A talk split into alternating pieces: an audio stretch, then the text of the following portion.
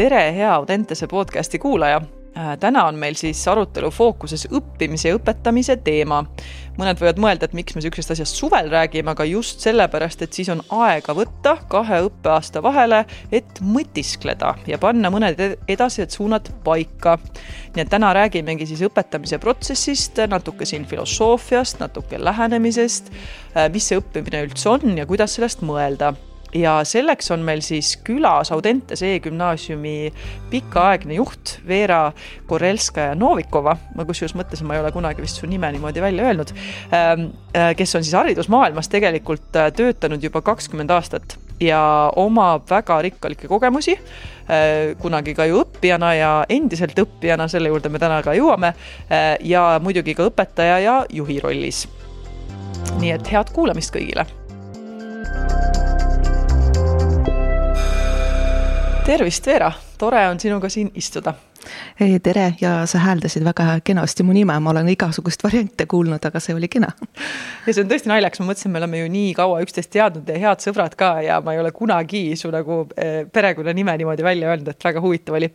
aga hästi, lähme nüüd teemasse ja, ja sissejuhatuseks lihtsalt ma küll ütlesin mõned sõnad seal sissejuhatuses ka sinu äh, positsiooni kohta. et äh, anna lihtsalt natuke kuulajatele aimu, milline sinu professionaalne arengutee on olnud, et siis nad teavad, kust sa täna meiega räägid räägid. ja muidugi on seal olulisel kohal ka kindlasti lapsepõlv ja kodu ja kõik muud asjad, aga, aga jääme hetkel selle äh, professionaalse tausta juurde, et äh, mis sa tunned, et sa tahaksid jagada kuulajana? Jaa, täiesti nõus, et see kontekst on väga oluline, et aru saada, eh, kust see teadmine või kogemus tuleb, et eh, kunagi, nüüd on vist kakskümmend aastat tagasi, siis õppisin Tallinna Ülikoolis, siis alustasin Tallinna Pedagoogikaülikoolis ajalooteaduskonnas,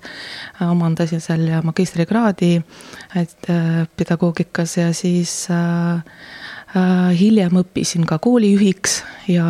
ja väga erinevaid asju teinud, aga kuskil kuus-seitse aastat tagasi äh, jätkasin oma haridusteed juba teise kõrghariduse hakkasin omandama. ja see on siis psühholoogia ja psühhoteraapia, nii et äh, sellel teekonnal ma olen praegu veel teel see on nii huvitav ja kindlasti me selle juurde tuleme, et mis puudutab sinu niisugust isiklikku arenguteed ka, aga äh, kuna ma ütlesin nii-öelda suure suuga välja, et me hakkame natukene siin rääkima sellest õppimisest ja õppimisest, õpetamise protsessist ja kuidas seda mõista, kuidas sellest mõelda ja just praegu, kui selleks on aega, sest noh, kooliaasta hakkab pihta, siis kellelgi ei ole aega võib-olla mõelda niisugustele asjadele. kuigi võib-olla sa lükkad selle ümber ja võib-olla võiks, eks ole, vahepeal sinna tagasi tulla, aga aga äkki sa alguses lihtsalt äh, kirjeldadki, et äh, mis on sinu jaoks selline õppimine ja õpetamine kui, kui protsess, mida see tähendab? Mm. -hmm. aga ma alustangi sellest, et äh, paus, see paus, mida me suvel võtame, see on ka väga oluline osa sellest protsessist või õppimisest või õpetamisest, et selleks, et midagi Äh, siis äh, täpse, millestki täpsemalt aru saada, sa peadki vahepeal pause võtma. et, äh, et see, mis sa omandasid selle aasta jooksul, paika loksuks, leiaks oma koha, võib-olla mõnedest asjadest tulebki loobuda, et nad võib-olla ei ole hetkel need relevantsed, et selles mõttes paus on väga oluline ja õppeprotsessis, ka õppeaasta sees, ka need koolivaheajad või siis vahepeal ongi vaja neid pause võtta et, et sellist enesereflektsiooni teha ja võib-olla vahel ka lihtsalt lugeleda ja mitte midagi teha. aga jah, tulles su küsimuse juurde tagasi, mis see õppimine, õpetamine on et see on keeruline küsimus, ma mõtlen, kuidas sellele ühe, ühele, ühe sõnaga või ühe lausega vastata, et Me,. meile meeldivad mitmed laused mitmed laused sobivad ka. et see on selline jah, pikk teema, et aga see on selline ühine töö, teekond, kus muutuvad mõlemad. et kui ma ütlen niiviisi, et äh, õppija siis äh, omandab äh, mitte ainult teadmisi, aga noh, sellest ümbritsevast maailmast, aga teadmisi ka iseendast.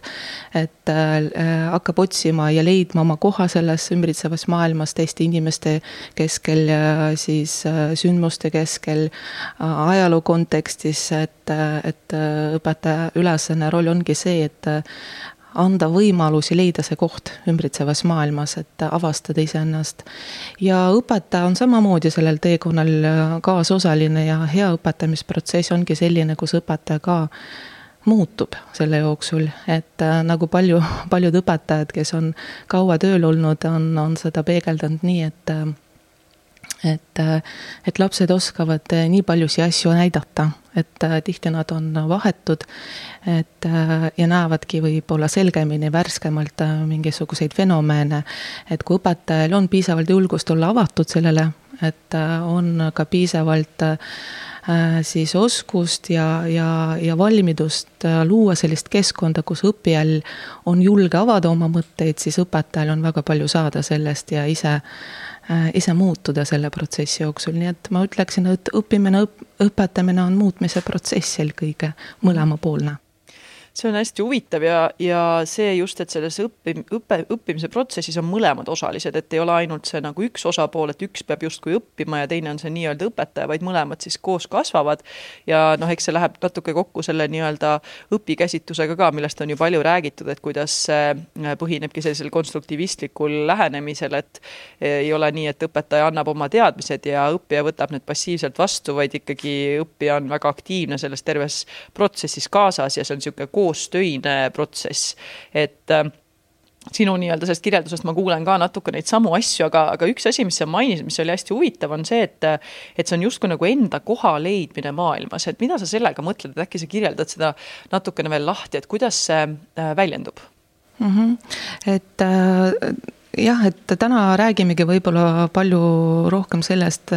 et kuidas äh, seda koha leida ja mis, mis see kõik tähendab, äh, selle asemel, et rääkida, et mida teha, et õpetajad tihtipeale oskavad äh, vastata sellele küsimusele, mida teha, aga mina võib-olla rohkem jah, keskendun, kuidas seda teha. aga mis see koha leidmine siis lõpuks tähendab, et lõppkokkuvõttes me ju kõik tahame elus realiseeruda et me tahame luua suhteid äh, iseendaga, me tahame luua suhted teistega, äh, ka tahame leida sellist väljakutset, äh, millele pühenduda, tunda rõõmu, tunda siis rahuldust sellest, mis ma, mis ma elus teen. et, et see on selline võib-olla ülim eesmärk, et ja, ja seda me pidevalt õpetajatena hoiamegi kuklas, et et selle fakti teadmise õpetamise juures keskenduda sellele, et õpilane leiab ennast selles protsessis, et äh, kas see meeldib mulle, see, mis me teeme. Äh, kuidas ma suhtun sellesse. Äh, kuidas see asi, mida õpetaja praegu kõnetab mind isiklikult, et kuidas see muudab minu maailma, kas ma näen nüüd mingisuguseid fenomene, asju teisiti. et pidevalt siis ennast ülesleidmine selles protsessis, see on see, mille, kui ma räägin koha leidmisest nii füüsilises mõttes, et ma leian Äh, oma eriala, ma leian äh, need, äh, et need teed, mida, noh, mida pidi minna, aga ka sellises vaimses mõttes, et ma leian, kes ma olen, kes ma tahan olla, et, et, et need mõlemad dimensioonid on esindatud mm. -hmm ja, ja siin äh, jälle läheb hästi palju nagu seoseid, tundub olevat jälle sellesama nagu konstruktivistliku lähenemisega ka, et äh, tuleb nagu seostada neid saadud teadmisi või uusi teadmisi sellega, mis sul juba olemas on, et me justkui ei pane neid eraldi lahtritesse, vaid loon sellise siis ühise võrgustiku oma teadmistest ja ehitan sealt edasi, et ma ei tea, kas ma sain õigesti aru, et see on äh, üks see nii-öelda viis, kuidas ennast seostada ja õpetatuga ja et kuidas see mind kõnetab, et ma proovin siis nagu neid seoseid leida seal nende asjade vahel. just ja, ja leida ka seoseid, et mida ma juba praegu tean äh, selle kohta, et äh, selle vahel, mis on uus minu jaoks, et jah, et me ehitamegi seda teadmist ja ehitame ka seda teadmist selleks et äh, oma eluga edasi, edasi minna, et, et vahel minu käest küsitakse, et äh, mis on see, mida ma oma äh,, oma isiklikele lastele räägin või, või, või, või mida ma soovin, et minu isiklikud lapsed elus äh, omavad või saavutavad või mis on minule kui ema, emale tähtis ja siis äh, ma olen sellest juba ammu aru saanud, et kõige olulisem, et nad saavad eluga hakkama. oma selles teises psühhoteraapilises töös ma näen, et just see tihtipeale on inimestel püüdlus, et, et neil on vahel raske, et ja nad tahavad eluga hakkama saada. ja, ja siin ongi see, et, et see teadmine endast, ümbritsevast maailmast, et aitabki eluga hakkama saada. ja seal on ka erinevad dimensioonid, lihtsalt eluga hakkama saada ja eluga hakkama saada ka rahuldava, rahuldust pakkuval äh, moel. ma ei tea, kas ma vastasin su küsimusele. ja, ja, ja see ja siin äh, sa just enne, ma olekski tahtnud kohe seda, mm, seda küsida ka, et kui sa enne tõid välja, et see on justkui nagu ka enda nii-öelda realiseerumine ja selle leidmine, et kuidas sa ennast realiseerida saad, et see on ka nagu üks õppimise protsessi suur nii-öelda eesmärk selles enda koha leidmises, et ma mitte ainult võib-olla siis ei taha hakkama saada, vaid, vaid kuidagi ka realiseeruda, et mis sa selle all mõtled, et äkki sa kirjeldad natukene seda ka lahti? sa mõtled seda enda realiseerimist? jah, et see oli selle kohta, et ma leian seda äh, äh, seda, mida ma tahan teha või ma leian seda, kes ma tahan olla inimesena, et et kõigepealt ma leian, äh, mis on need äh, siis asjas elus, mis loovad tähendust mu elule, et millest ma tunnen rõõmu. et vahel vahel me, ma ei tahaks öelda, et me teeme vea, kui me räägime õnnest, aga vahel see on selline äh, inglise keeles öeldakse misleading ehk siis see viib meid eksiteele, kui me keskendume ainult sellele, et et me peame õnne leidma, et mina pigem arvan, et tuleb leida tähendust, et sellega koos tuleb ka õnne, õnn. nii et enda realiseerimine ongi selle oma koha leidmine, leidmine oma väärtuste, oma väärtustest arusaamine, kes ma inimestena tahan olla. et kas ma tahan selliseid suhteid või teistsuguseid, kas ma loo-, tahan luua pered ja kellega ma tahan, need on tegelikult tegelikult lihtsad asjad, äh, mida me kõik elus tahame. et aga oluline, et, et ma ei oleks äh, see, kes, äh, kes tegutseb justkui ärkamata veel, et ma teen neid valikuid teadlikult. et ja selle teadlikkuse kasv või teadlikkuse mm, õpetamine ongi üks osa, väga oluline osa ka koolis. et, et, et ma tean mida ma tahan saavutada, miks see on mulle oluline, milliseid suhteid ma tahan elus, millist tööd ma tahan, millist olulist äh, asja ma tahan siis elus veel ära teha, äh, mis minule on tähenduslik, et, et tegelikult see on selline üsna lihtne komplekt. Ja ka julgust seista selle eest, et, äh, et, et, et mul on jõudu minna seda teed, mida ma olen valinud, mul on piisavalt ressurssi öelda teistele, et vanematele või, või, või lihtsalt ühiskonnale, et see ongi minu tee. võib-olla see ei meeldi teile, aga, aga see on see, kes mina olen, kui ma äh, seda teed pidi lähen. Mm. See kõlab kõik väga hästi, ma mõtlen, et kuidas seda mm, õpetaja saab siis praktiliselt toetada kuidas ta teeb seda? jaa, väga head, et me oleme kuskile ta taevasse lennanud, et aga nüüd, et peakski maa peale äh, tulema, et äh,, et äh, jah, et siin ma räägingi sellest, et, et kuidas see võimalik on, et kõigepealt mulle tundub, et see ongi sellise avatuse loomine selleks, et tekiks dialoog klassiruumis. ükskõik, mida me ei tee, et kas me lahendame matemaatikaülesandeid või, või, või tegeleme mingisuguste äh, noh, ma ei tea, kirjanduses räägime erinevatest tegelastest ja nende motivatsioonilistest aspektidest, et et õpetaja on avatud sellele, mis on tulemas ta loob sellise keskkonna, kus õpilasel on julge avaldada oma arvamust. et, et ta astub dialoogi, et jah, hea õpetamine on aga hea dialoog nagu ka siin, et tegelikult me ei tea, kuhu see meid välja viib, aga me oleme mõlemad avatud sellele, mis on tulemas. samamoodi ka õpetamisprotsessis, et, äh, et äh, kui ma olen klassiruumis, see on väga loogiline ja väga õige, et mul on olemas ka plaan, et mida me täna tunnis teeme, et ma pean seda teemat meeles. Et me peame täna kõnelema sellest, avama seda, äh, jõudma sinna. aga samas ma olen äh, avatud sellele, mis on tulemas ja, ja kogu aeg äh, siis reageerin sellele keskkonnale, kui õpilastel tekib seal erinevaid ideid või tekib mingisugune väga põnev arutelu, on väga oluline anda sellel juhtuda et ära kuulata neid õpilasi, kellel on midagi öelda, et äh, peegeldada seda nende maailma või nende arusaamist, et äh, ja, ja ka noh leida ka seoseid selle teemaga, mis oli tunnis siis äh, kuulutatud, et see on nagu esimene aspekt, ole avatud sellele, mis on tulemas, mitte võib-olla olla nii rangelt äh, siis äh, kinni selles plaanis, et ja, ja, ja need on huvitavad mõtted, aga nüüd meil on vaja järgmist asja võtta. et, et see paneb selle dialoogi kinni ja järgmine kord ta võib-olla ei tahakski midagi, et siis ta hakkabki aknast välja vaatama, jääbki oma mõtetega omaette, et see on nagu esimene oluline moment, mida klassiruumis teha selleks et, äh, õpilane lõpuks ka jõuab selleni, et kes ma olen, et, et kui tal on julgust väljendada oma mõtteid, siis ja õpetajal on julgust neid peegeldada ja oskust neid, seda hästi teha, siis õppija kuuleb iseennast. ta saab aru, ahaa, ahah, vot see on äh, väga huvitav ja tal tekivad järgmised mõtted, et, et, et see on nagu üks asi äh,. väga oluline asi on see jõustamise aspekt, et äh,, et kui et kui me räägime, et õpilasel peaks olema ka ressurssi või tulevasel täiskasvanul peab olema ressurssi oma siis elu eesmärgid täita, et äh, oluline, et me anname talle mingi pagasi kaasa millele ta saab toetuda. et mul meenub äh, üks juhtum, et see oli aastaid tagasi, et äh, üks täiskasvanud õppija alustas e-gümnaasiumis ja see oli raske teekond ja siis ta otsustas selle pooleli jätta ja meil oli üks vestlus enne, kui ta ära läks, et pikalt rääkisime sellest valikust, mis see tähendab, et millised võimalikud tagajärjed sellel võib olla, et ta jätab nüüd kooli pooleli. ja sellega me oleme noh, ilusti hüvasti jätnud ja siis möödus kolm või neli aastat, tuli tagasi ja alustas vestlust sellega, et õpetaja, me tookord rääkisime ja ma mõtlesin sellele ja nüüd ma olen tagasi. ja siis ühtepidi mm, mõtlesin, et see on nii tore, et, et kuidagi minu sõnad oli üks osa sellest otsusest. et aga teistpidi ma tundsin kuidagi hirmu, et, et,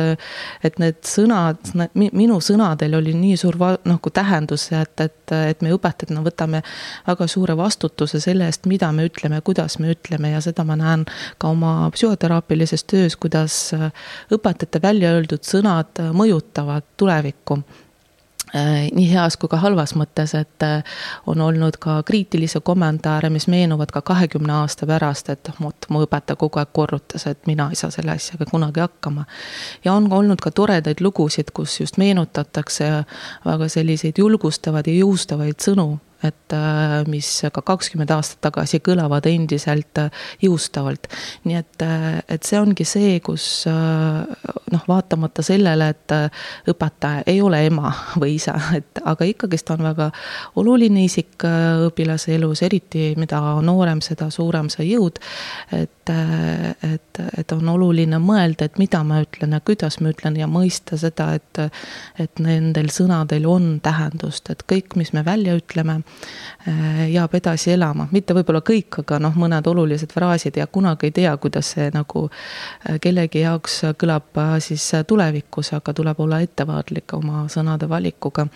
nii et, et see teine, et, et kuidas sa kooli, kooli siis keskkonnas või klassiruumis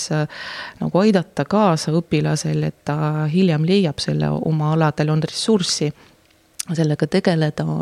jõustada piisavalt, ma ei mõtle, et, et pead iga minuti tagant ütlema tubli, tubli. et, et see suurt, suuresti aita, aga just olla samamoodi avatud sellele, mis seal tulemas on, mis seal tunnis toimub. märgata igaühe puhul mingit aspekti, aa, vaata, kui, kui kenasti sul see lahendus, kui äh, elegantne see on. või, või, või siis on mingi, mingi muu, et, et alati noh kõndida kas klassiruumis ja märgata midagi ja leida kasvõi üks tore sõna igaühe jaoks, et alati, alati seda on. et, et see on nagu ka noh, üks oluline äh, vastata sellele küsimusele ja siin, ja siin just nende erinevate lahenduste puhul ka ja nende aktsepteerimisel ja erinevate arvamuste aktsepteerimisel on ka jälle hästi tugev selline psühholoogiline efekt, et siis inimesel ju endal selline um, tunne tekib ka, et mind kuulatakse, minu arvamus on väärtustatud, see on okei okay,, kui ma oma arvamust avaldan, mis jällegi suurendab tõenäosust, et ta tahab seda uuesti teha. Ja noh, nagu sa ütlesid väga ilusti, et mida rohkem ta seda saab teha, seda rohkem ta ennast avastab ja saabki aru, et mis mulle tegelikult tähtis on, et kui ei ole seda võimalust ja seda avatust, julgust jagada enda mõtteid ja sellele tõmmatakse kriips peale, et siis ei olegi julgust seda edaspidi ka teha, et selles suhtes see on jälle motivatsiooniga ka väga tugevalt seotud just ja äh, täiesti nõus ja siin ma näen ka veel ühte aspekti, et meie maailm on mitmedimensionaalne. et, äh, et ka praegu näha, et me elame maailmas, kus äh, vahepeal on isegi väga raske aru saada, et kus see tõde on. et mis on tähtis, et seetõttu ongi väga oluline ka tutvustada neid erinevaid narratiive. et, et me jõuaks, isegi kui need tunduvad täiesti noh, fantastilised, et aga et me leiaks erinevaid erinevaid narratiive, et igaühel oleks võimalik äh, neid peegeldada, leida argumentatsiooni, et, et kui, kui tõene see narratiiv sinna äh, või, või et mit, mis, mis seda toetab ja mis seda ei toeta. et ka see on nagu see oluline oskus äh, maailmas, kus kus tõde on väga keeruline välja selgitada ja siis sa pead tegelikult olema väga kriitilise mõtlemis, mõtlemisega või, või omama head oskust, nii et, et ka selles osas need erinevad arvamused on väga olulised, et tutvustada seda mitmedimensionaalset maailma, et erinevad inimesed võivad mõista erinevalt. ja sellele on ka veel üks üks teine aspekt, et kui me tutvustame neid erinevaid seisukohti, siis õpetajal on võimalik ka äh, arendada õpilastest empaatiat. aga vaadake, et kuidas see teisele on. et, et et, et kuidas mingi olukord, kuida- tei-, kuidas teine seda olukorda näeb, miks ta seda niiviisi näeb, et siis me äh, saame vahetada neid kohti, et okei okay,, see on minu arvamus, aga teisel võib-olla on teine arvamus ja seal on selline argumentatsioon taga. ahah, väga põnev, et võib ka niiviisi mõelda. et see arendab empaatiat, aga ka arendab sellist kriitilist, äh, kriitilisema mõtlemise oskust ja, ja kindlasti see on väga head mõtted ja, ja just see ka, et see võiks seda aktsept-, aktsepteerimist äh, ka nagu suurendada teiste vaatenurkade poole, mida on ju meie üha erinevamaks muutuvas maailmas võib-olla veelgi rohkem vaja ja kuna me ei tea ju, mis suunas keegi liigub, äkki keegi läheb teise riiki, teise organisatsiooni, uute inimeste sekka, niikuinii me ju kohtame kogu aeg erinevaid inimesi, et mida rohkem sul sellist aktsepteeritust on erinevate maailmapiltide, erinevate vaadete poole, seda meeldivam vestluspartner sa ka teistele oled, et kui sa ikka kogu aeg sõidad oma arvamusega sisse, et ei, nii on ja nii peab olema ja see on see sulaselge tõde, et siis on väga raske sellel inimesel edasi minna ja, ja siis on väga raske ka neid suhteid luua, tegelikult me kõik ju noh, või enamus, valdav enamus tahab olla suhetes. ja suhetes olemine tähendab, et ma ka aktsepteerin või olen valmis kuulama, et äh, seda teist võib-olla mulle ei meeldi, mis ta ütleb, aga vähemalt ma kuulan. Äh, ja saan peegeldada, jah, ma kuulen seda teist, aga mina arvan sellest niiviisi, et, äh, et see on ka see oluline oskus, et, et selleks, et, et olla suhetes teistega, mida me kõik tegelikult väga tahame ja, ja sinu mõtetest käis enne läbi see ka, et peaks ju ja jälle kontrollin igaks juhuks, kas ma sain õigesti aru, et et peaks justkui ka ikkagi oskama oma arvamusi, seisukohti ka põhjendada, selgitada ja näha, et mis on selle nii-öelda argumentatsiooni aluseks siis, et mitte lihtsalt väita midagi, vaid mõista ka seda, et see peab millelgi põhinema. see aitab ka ju olla kriitilisema mõtlemisega, et ma ei võta kõike, mis teine välja pakub, et mul on oma arvamus ja ma tean, kust see tuleb justkui ja, ja et äh, ja mitte, et ainult oma seisukohti siis kaitsta, aga ka aru saada teiste seisukohtadest, et äh, et vahel mulle tundub, et me räägime vähe argumenteeritud keelt, et äh, emotsioonid äh, vahel käivad sellest üle, et see on kõik loomulik protsess, et me oleme ju ka elavad inimesed ja meil tekivad need emotsioonid, et et, et emotsioonide regulatsioon on ka üks oluline oskus, mida võib praktiseerida, et äh, ka klassiruumis, et emotsioone väljendada on oluline, aga on oluline, et, et ma annan neist teada.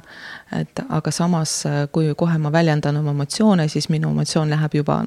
äh, väiksemaks ja siis ma jõuan juba argumentat-, argumentatsioonini. et ära näidata, et see on okei okay,, kui, kui ma olen, ma ei tea, vihane või kurb või, et aga ära näidata, millest see tuleb, et, et õpetada laste la,, lapsi ka rääkida sellest ja et aru saada, et emotsioonid tekivad ühe koha peal, aga selle äh, taga on, on mingid mõtted. et emotsioonide taga on mingid mõtted või olukorrad või, või, või tunded, et mm. -hmm. ja sellest võiks teha kohe täitsa eraldi teema, et sinna ei, ei hakka täna minema, muidu läheb ja. meil see asi liiga, liiga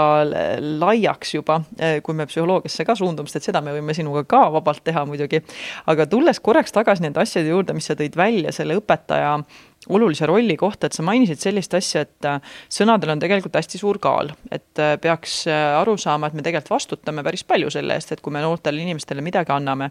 siis ähm, see läheb hästi kokku ühe, ühe toreda mm, treener-õpetajaga, kes on selline, keda väga palju tsiteeritakse. ma ei tea, kas sina tead teda, aga tema nimi on John Wooden ta on üks hästi tituleeritud äh, korvpallitreener. ta töötas äh, Ameerikas UCLA ülikoolis ja ta oli edukas treener, noh nii sporditulemuste mõttes, kuid ennekõike on teda just meenutanud varasemad tippmängijad, kes on jõudnud ikka täiesti maailma tipp-tippu, just tema nagu õpetuste poole pealt, et kuidas ta andis edasi õigeid väärtuseid ja kuidas ta õpetas neid inimestena olema nii-öelda noh, inglise keeles on decent people ehk siis nagu noh, nii-öelda normaalsed inimesed on ju, aga, aga ta õpetas just niisuguseid baasväärtuseid. aga mm, miks just sõnadest rääkida, et tema oli selline, kes väga palju sai inspiratsiooni näiteks luuletajatest ja tal oli üks selline hästi kihvt tsitaat, ma äh, mõtlesin just, et seda oleks huvitav kuulda, et mis sina sellest arvad ja kas see kuidagi äh, sinu jaoks ka õpetamisega ja õpetamise protsessiga äh, kokku läheb. Ähm,. ja ta on seda jaganud ka erinevates äh, kanalites, nii et ähm, seal kahjuks ma ei suutnud leida seda päris autorit, ta on öelnud, et see on üks ähm, selline juhtlause, mis teda on väga palju aidanud oma rollis õpetajana ja see kõlab siis niiviisi, ma loen ta ette inglise keeles proovin tõlkida ka pärast äh, konarlikult eesti keelde, aga alati luuletajate tõlkimine on väga keeruline. Äh, aga inglise keeles kõlab ta siis nii. Äh, no written word, no spoken plea can teach our youth on what they should be, nor all the books on all the shelves, it's what the teachers are themselves ja eesti keeles siis selline tõlge võiks olla midagi sellist, et äh, mitte ükski äh, kirjutatud sõna, mitte ükski öeldud väide äh, ei saa meie noortele õpetada, kes nad olema peaksid, ka mitte ükski mm, raamat riiulis, tegelikult on see see, mis õpetajad ise on noh, mina loen siit välja või tõlgendan seda nii, et äh, väga oluline temal oli ja ta ise seda näitas ka, on see eeskuju, mida õpetaja ise oma igapäevaste käitumistega näitab, äh, versus see, mida ta siis väidab või mis raamatuid ta soovitab, et ähm, milliseid mõtteid sinus see tek-, selline lähenemine tekitab ja kas see kuidagi sinuga ka seostub või õpetamise protsessiga? Mm. -hmm. et äh, kui sa hakkasid lugema, siis ma kohe esimestest, esimesest fraasist sain aru, kuhu see tüürib, et, et see on ju teada-tuntud tõde, et. et me õpetame läbi eeskuju ja kui jah, laiendada seda mõtet, et sõnadel on jõud, et, et ka meie tegudel on jõud, et. ja siin on, tegelikult see on ka väga laia huvitav teema, millel äh, peatuda, aga äh, alustaks jah, sellest eeskujust, et et nii teraapilises töös, mida ma olen siis hiljem õppinud ja vaat- äh,, vaatasin, et tegelikult seal on väga palju seosed ka selle õpetaja tööga, et et väga oluline on see mm, õpetaja isiksus. et kuidas ta räägib, kas ta usub sellesse, mida ta räägib, kas ta usub oma ainesse või nende, nende, nendesse teadmistesse. et tegelikult jah, õpilased ja mitte ainult õpilased, meie lapsed, keda me kasvatame, et nad ei vaata, kas äh, isa ütleb ära suitseta, aga sa vaatad, kas isa suitsetab või mitte ise. et, äh, et, et see on tegelikult jah, väga oluline, et aga siin on veel üks aspekt, mida, millele ma jäin mõtlema. et väga oluline ka õpetaja autentne olek, et mi-, millisel äh, juhul on sõnadel jõud, kui need on välja öeldud siira, siiralt, et, et see, mida ma mõtlen, väljendub äh, minu tegudes ja minu sõnades. vot nendel sõnadel ongi kõige tugevam jõud. et, äh, et lapsed, õpilased, äh, ka tundlikud täiskasvanud üldse, et kes on avatud suhtlusele, nad ei, ei talu võltsi, nad saavad aru, et inimene ütleb ühte, aga tegelikult tundub, et ta mõtleb midagi teist. nii et, et ka see on oluline, et mida me õpetame, kas läbi selle käitumise, kas me õpetame siis sellisel juhul silma silmakirjalikkust. et, et, et sellega ma olen täiesti päri, et me õpetame läbi eeskuju, aga kui me oleme autentsed selles, et mida me teeme, et ja teeme seda, millesse me usume, siis ka meie sõnadel on ka suurem jõud just, et siis see läheb loomulikult kokku, kui sa oled ise teadlik oma väärtustest, mida sa tegelikult tahad äh, õpetajana tuua sinna klassiruumi või oma suhtlusesse ja miks ainult õpilastega, samamoodi ka ju kolleegidega või äh, või lapsevanematega, mis on ju kõik olulised suhted tegelikult selleks, et see õppimise protsess äh, toimuks, et see õppimise protsess on palju laiem kui ainult see üks interaktsioon seal klassiruumis, et siis jälle see teadlikkus iseenda väärtustest ka, et mõeldagi korraks sellele, et aga, aga mida ma tegelikult tahan tuua. sest noh, kui seda baasi ei ole, siis tundubki, et see on väga raske nii-öelda autentne olla, et mis see autentne siis minu jaoks tähendab, et muidu võibki jääda mulje, et see autentsus ongi, et ma lähen kaasa sellega, mis mul parasjagu justkui ülesse tuleb, aga siis juhivad paljuski meid mingisugused emotsioonid või mõtted, mis justkui tekivad, et tundub, et siin on siis see oluline aspekt, et sa ise tead kes sa tegelikult olla tahad ja mida sa tahad sinna klassiruumi tuua. just, et, et mu, mul oli siin hiljutine kogemus, me kohtusime Soome kolleegidega äh,, rääkisime õpilastest ja nõustamisest ja muudest teemadest ja siis äh, tegime ühe huvitava ülesande, kus me äh, üritasime avastada iseenda stereotüüpset mõtlemist. ja siis äh, see oli ka selline väga valgustav, väga tore ülesanne, mida me siis koos tegime, et isegi kui mulle tundub või, või meeldib mõelda, et mina olen väga avatud ja mina olen väga tolerantne, et siis teatud küsimuste abil natukene võib-olla varjatumal moel esialgu, et kui, kui sa ei tea ülesannet, ülesande, siis äh, sa tead küll sisu, aga sa ei tea, kuhu see nagu need küsimused lõpuks tulevad. see ikka avastab neid äh, erinevaid äh, siis äh, Äh, noh, eelarvamusi, mis võivad peas olla ja vahepeal on väga värskendav teha sedasorti ülesandeid, et avastada, et kas ikkagist mul on, äh, meil kõigil neid on, et ja panna neid paberile kirja, vaadata, aa, et äh, ikkagist siin on veel mitmeid-mitmeid eelarvamusi, millega ma klassiruumi tulen ja, ja, ja siis äh, kuidagi nagu konfronteeruda nendega, noh e, e, omaette ja mõelda, et, et kas ma tõeliselt tu, äh, tunnen nii, et ja kuidas see väljendub minu igapäevases töös. et, et see on selline noh protsess, et me ei ole, keegi ei ole meist ideaalne, me kõik oleme inimesed ja tuleme äh, siis oma lapsepõlvest, äh, meil on omad kogemuslood, et, äh, et, et see on loomulik, et vahepeal me avastame järgmise kihi, ahah, siin on veel selline asi, no väga tore. aga ka avada seda õppijatele, et, et, et see on okei okay,, et ka vahepeal me eksime et ja, aga nüüd on vahepeal toimunud neid, need sündmused ja ma näen, et, et ma olin eksiteel ja täna ma mõtlen mingist asjast teisiti, et, et ka õpilastele see õpetab seda, see, et, et meie inimeseks olemine on teekond, me oleme pidevalt äh, protsessis. ja, ja seal avastamine, vigade tegemine on täitsa okei okay just. täitsa okei okay. ja teadmised võivad ka muutuda, ma arvan, et see on nagu nii tore, et sa selle välja tõid ähm,. et me kipume eriti tänapäeval, okei okay,, mul on tegelikult raske rääkida sellest, mida nüüd tänapäeva noored täpselt arvavad, eks, sest ma ei ole ise ju õpetaja, ma olen otseselt natuke teises rollis. aga sellegipoolest ma olen kuulnud äh,, olles siin keskkonnas ka siin kasvõi Audentse spordigümnaasiumis, et et väga palju on ikkagi arenenud noortel see, et kuna infovool on suur ja on hästi palju eriarvamusi ja noh, kõik väljendavad neid arvamusi väga tõsimeelselt ja nüüd on meil veel see chat äh, GPT, mis arvatavasti juba praegu internetti on andnud mingeid arvamusi, mis tegelikult ei põhine mitte millelgi. nii et äh, seda enam on äh,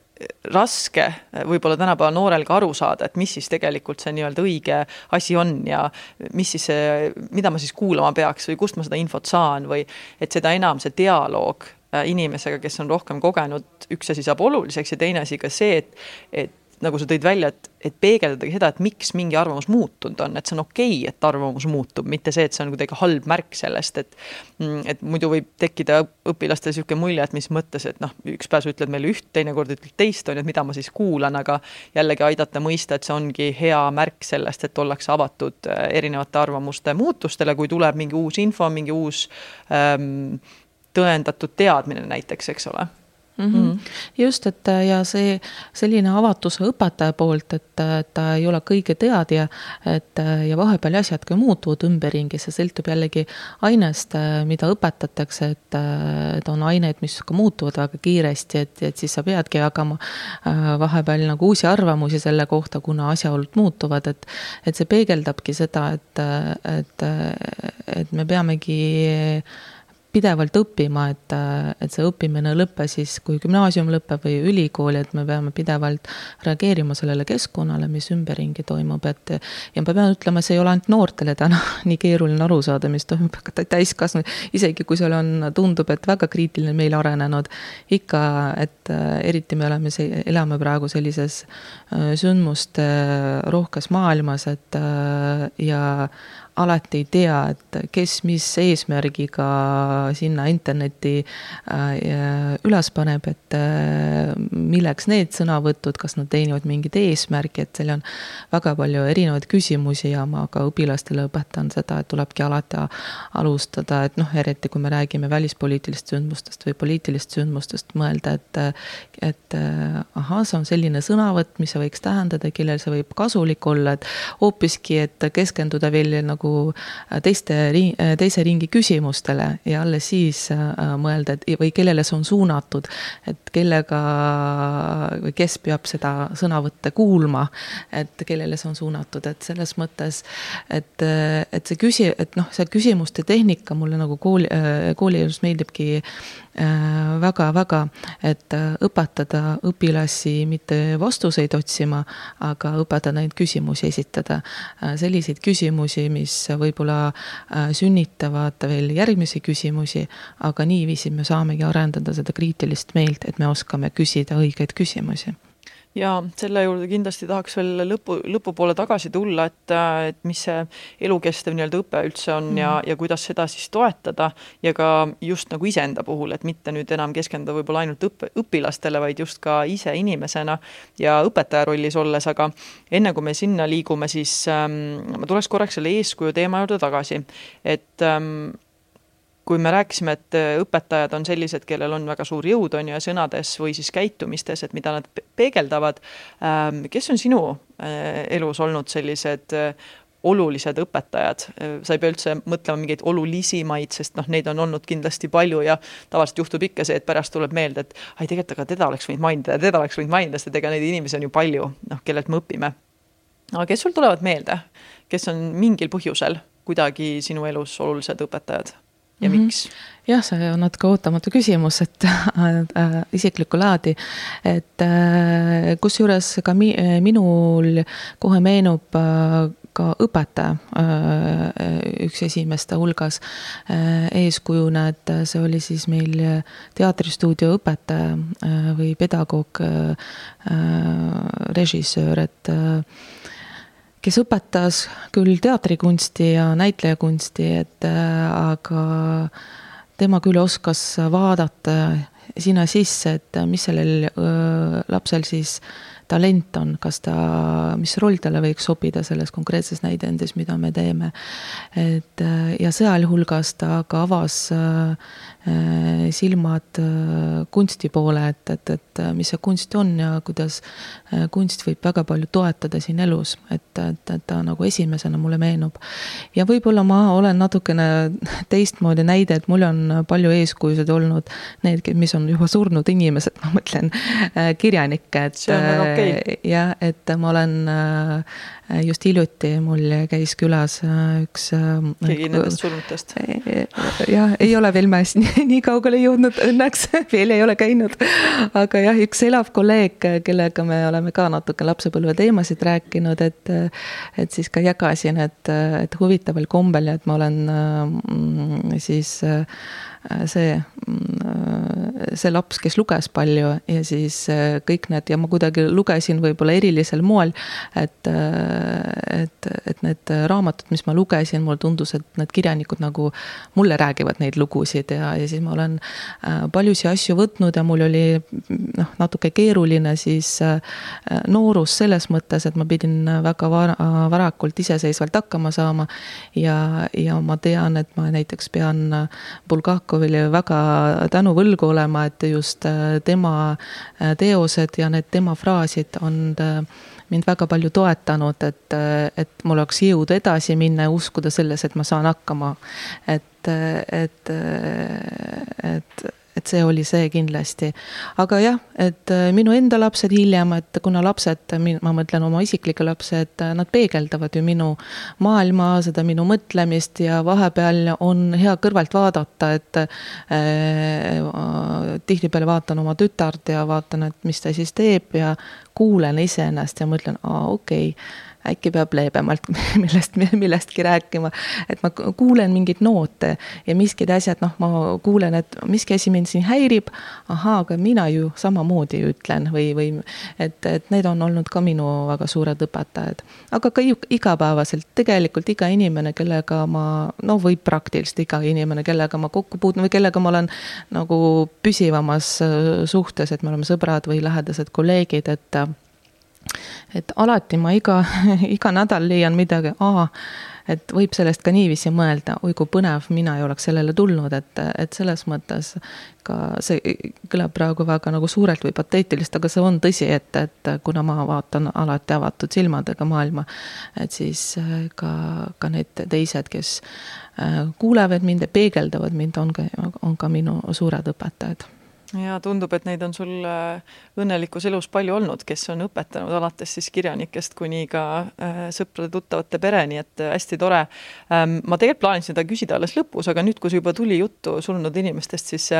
ma tegelikult pla ei plaaninud otseselt surnutest nii palju rääkida, aga kui sul oleks võimalik keegi nendest, kes on surnud, tuua tagasi paariks õhtuks, kellega sa saad arutleda ja filosofeerida, neilt õppida ja nendega rääkida ja äh, keda sa tahaksid tuua mm? -hmm ja see ei ole päris minu enda küsimus. sarnasel stiilil, ma lihtsalt ütlen igaks juhuks ära, et sarnasel stiilil oli üks hästi ähm, kihvtis podcast'is ka küsiti seda küsimust, mõtlesin, vot see on jube hea küsimus, ma kasutan kohe ära. nii et ähm, mis sa võtaksid? Ehm, jah, ma hakkasin juba peas nii, nii paljudest inimestest mõtlema, et, et ja siis äh, avastasin, et äh, nende sekundite jooksul, mis sa siin rääkisid, et äh, mõne inimese teost oli väga tore lugeda, aga võib-olla ma praegu ta kohtuda ei tahaks, et aga üks tuleb mulle meelde, et lihtsalt üks tema teos on väga palju mind mõjutanud, et kuidagi ähm, pööranud teistpidi minu siis äh, arusaama äh, selles osas, mis on armastus, mis on äh, minu jaoks väga oluline nähtus ja et ja siis temaga tegelikult ma tahaks kohtuda, see on siis Buber, üks filosoof, et mulle tundus ta väga sügava ja soe inimesena, et ja, ja võib-olla veel Andrei Tarkovski, et ma väga palju armastan tema filme, et et äh, võib-olla tahaks temaga äh, millestki rääkida, aga ei tea, kas ta, tema kuulaks mind, et äh, ta tundub, et on väga palju olnud oma sisemaailmas, et, et siin ongi see, et mulle tundub, et Puuber on rohkem dialoogiks avatud, et, et see mulle meeldiks. selge, siis loodame, et sul tuleb temaga mõni no loodan, et tuleb unes, mitte päriselus. et võib-olla, et siis tähendab, et me kohtume temaga äkki vaimuhaiglas siis. Kus, kus iganes võib seda ette tulla, aga mm, lähme korraks nüüd selle juurde, mis Äh,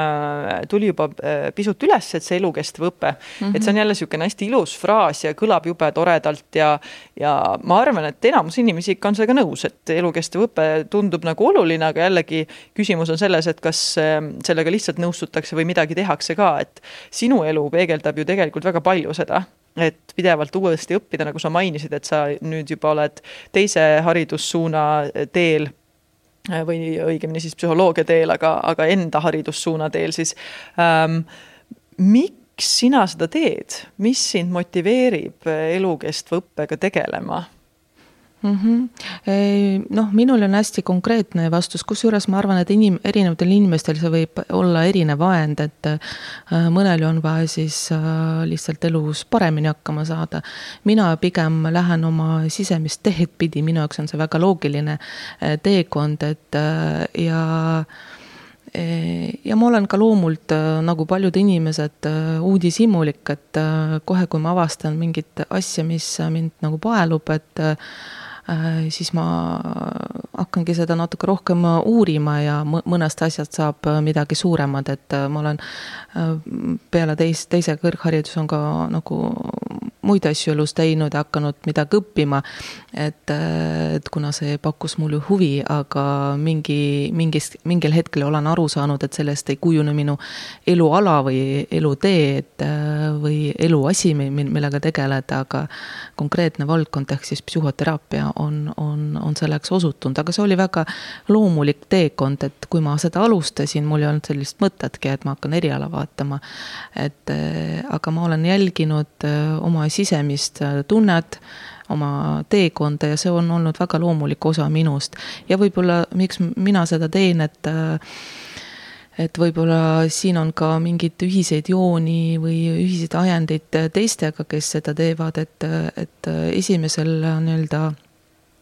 noh, nooruses või esimeses etapis äh, tihti noh, no minagi, et olen teinud asju, mulle, mis mulle tundus, et on nagu õiged asjad, et äh, kuna äh, keegi niimoodi võib-olla ümberringi ka arvanud, vanemad või, või ühiskond või või olen äh,, mõni on läinud midagi õppima koos sõpradega, avastamata, et kas on tegelikult see asi, mida soovitakse teha. nii et, äh, et ja, ja olengi seda südamega teinud, ma mõtlen, et olen haridusvaldkonnas olnud pikalt, et siiamaani olen, et olen seda hea meelega teinud, aga mingil hetkel olen avastanud, et see sisemine teekond, mida tahaks minna, et see, kes mina tahaksin olla, on kuskil mujal. ja tegelikult ma olen seda te teadnud juba ka seitsmeteist ja kaheksateistkümne aastaselt, aga siis ei olnud nagu julgust veel seda teed pidi minna.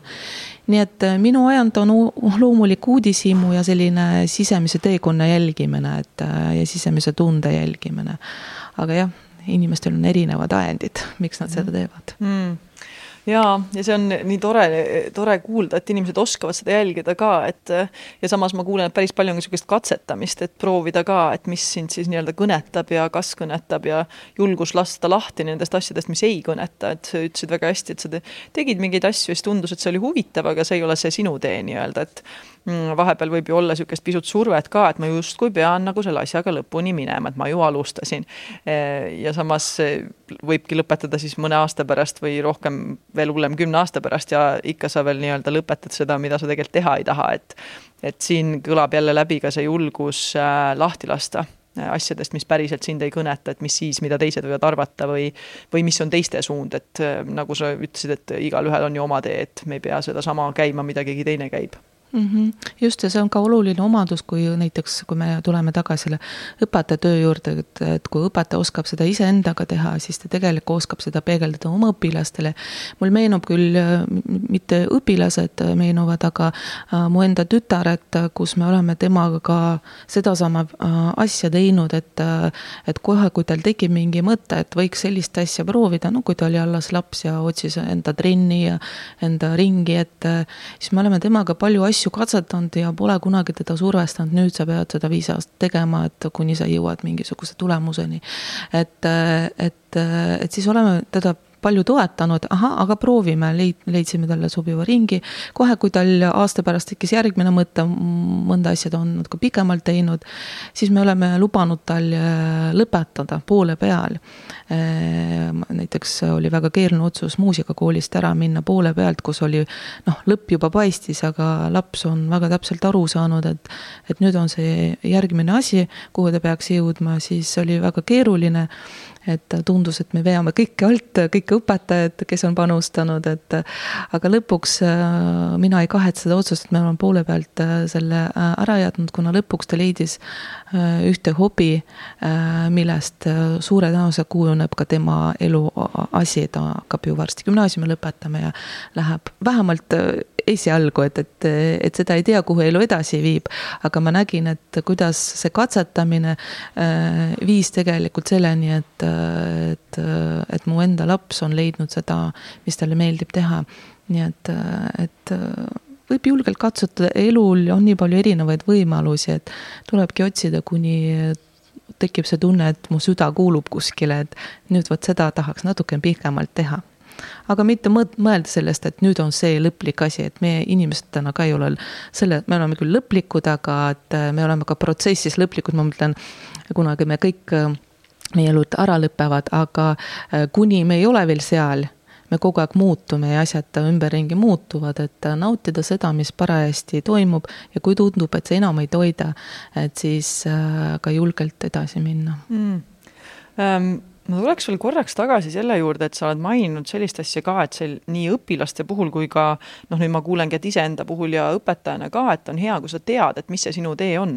et nooremad õppijad siis alles avastavad seda ja õpivad seda läbi, ütleme, arvamuse avaldamise ja selle siis õpetajalt vastukuulmise äh, läbi selliste asjade ja eks siis täiskasvanud õpivad seda jälle kuidagi teistmoodi ja omamoodi. aga kuidas äh, ja kuna see omal rajal käimine tegelikult ju annabki seda rahulolu, et ma tean, et ma olen õiges kohas, teen õiget asja. Äh, mis sinu mõtted on, et mis aitab äh, inimesi ennast kuidagi kas analüüsida või mida inimesed saaksid teha selleks, et teada, et ta liigub nagu õigel rajal, et kellel ei ole võib-olla see sisetunne nii hea, et ma saangi aru, et sinul on hästi tugev see sisetunne, mis ütleb, et kus suunas või kas sa liigud õiges suunas, aga ja mida sa ütleksid näiteks alustavatele õpetajatele, kes tulevad ka, tahavad ka teha tööd südamega ja tahavad teha oma asja ja autentset asja, et kuidas siis seda avastada ja kuidas siis teada, et ma olen justkui õigel rajal, et ma saan endaga rahul olla, nii kuidas ma teen seda tööd, nagu ma teen mm -hmm.. noh, mulle tundub, et äh, on olemas ka mingisugused füsioloogilised märgid, et, äh, et mida mu keha ütleb, et äh, mõni võib-olla ei oska oma tundeid nii hästi ära tunda, aga ta väga hästi oma kehas sees. et näiteks jälgida oma väsimust, et asi, mis mulle meeldib, et iga asi väsitab, iga töö väsitab, et see oleks illusioon mõelda, et, et, et ma teen tööd, mis mind ei väsita, et see on loomulik osa. aga kui minu väsimus on selle Äh, selline, selline, et ma päeva lõpus olen väga väsinud, aga hommikul ma tõusen ja mul jälle silmad, no võib-olla ei sära iga, iga võib-olla, eriti mõeldes mõne, mõnele talvele, talvekuule, et, et aga mul on hea tuju, mul on äh, piisavalt energiat, et ma tõusen üles ja liigun siis öö, töö suunas ja, ja, ja mul seda väsimust enam ei ole, see on üks oluline märk, mida äh, mul tundub, tuleb jälgida, et äh, kui väsin ma sellest tööst ja kui kiiresti ma taastun, kui mu taastumine on väga pikk, siis siin võib mõelda, et mis selles, kas see on töökeskkond, et võib-olla see, see ei ole päris see töö veel, et vaadata juba siis, see on järgmise, järgmine küsimuste ring, et et, et kas on töökeskkond, kas need on siis kolleegid ja suhted nendega või see töö ise. Äh, selle töö sisu, mis mind väsitab, et siis lihtsalt ka jälgida, et kas see keskkonnavahetus mind aitab või mitte, aga väsimus mul tundub üks selline oluline indikaator, et aru saada ja rõõmu tunned, et kas, kui, kui kiiresti ma taastun, aga kas ma tunnen rõõmu äh, sellest asjast, et äh, et mida jälgida, aga midagi ma tahtsin veel öelda, aga mul läks mõte.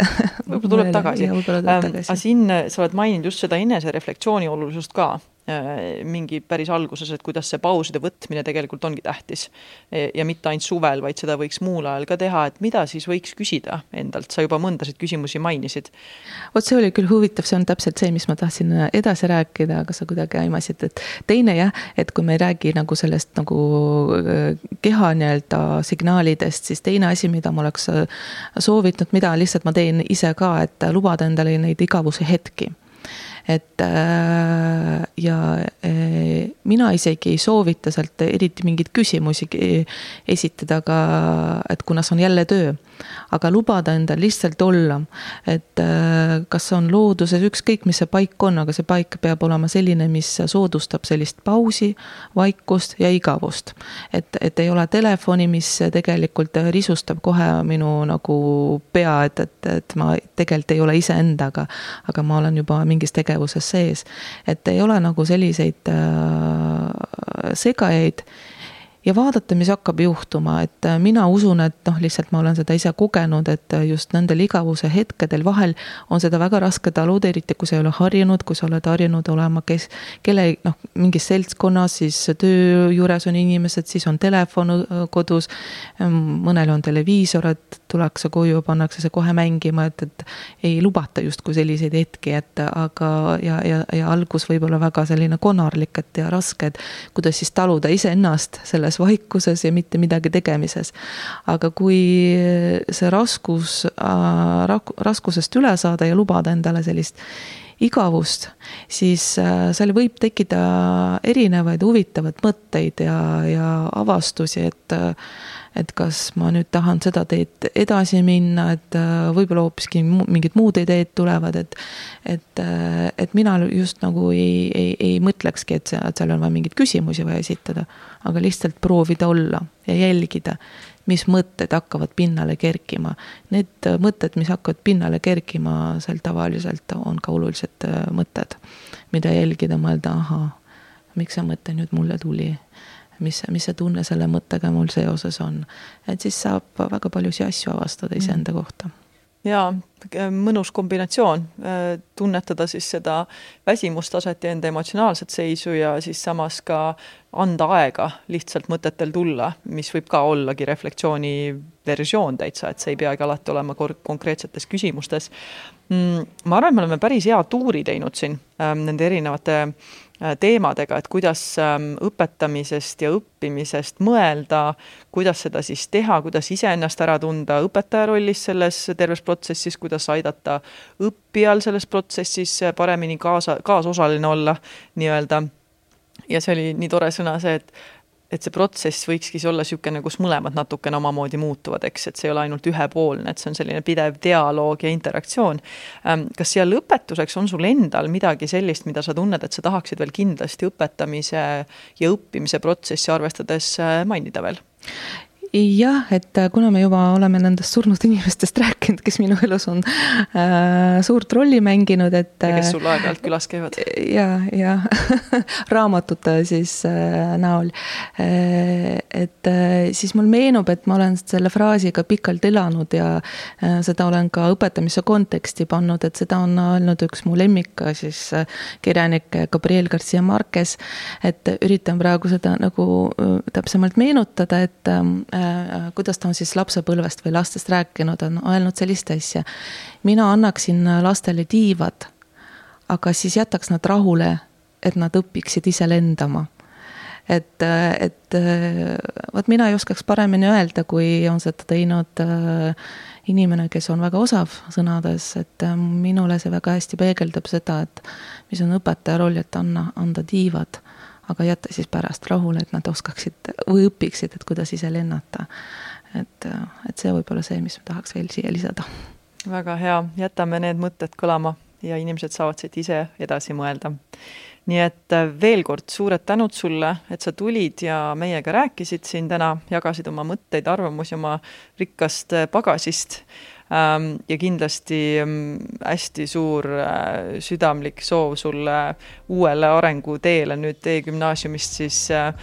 psühhoteraapia suuna peale ka, mis sind varsti ees ootab, et see kõlab väga põnevalt ja ma loodan selles natukene kaasas olla, kui me kuskil äh, kohvipause teeme ja filosofeerime maailma kokku. Ähm, nii et aitäh sulle, Veera, tõesti, et sa täna tulid, väga huvitav oli. aitäh ja aitäh ka meie kuulajatele, et te kaasa mõtlesite äh,. ootame endiselt teie mõtteid, ideid äh,, mida iganes tahate jagada või tegelikult okei okay,, mitte mida iganes, aga võite kirjutada, mida te veel kuulda tahate näiteks või anda ka tagasisidet millegi kohta. ja kirjutage siis meiliaadressil meile äh, podcast.audentes.ee. aitäh kuulamast, järgmiste kuulamisteni. thank you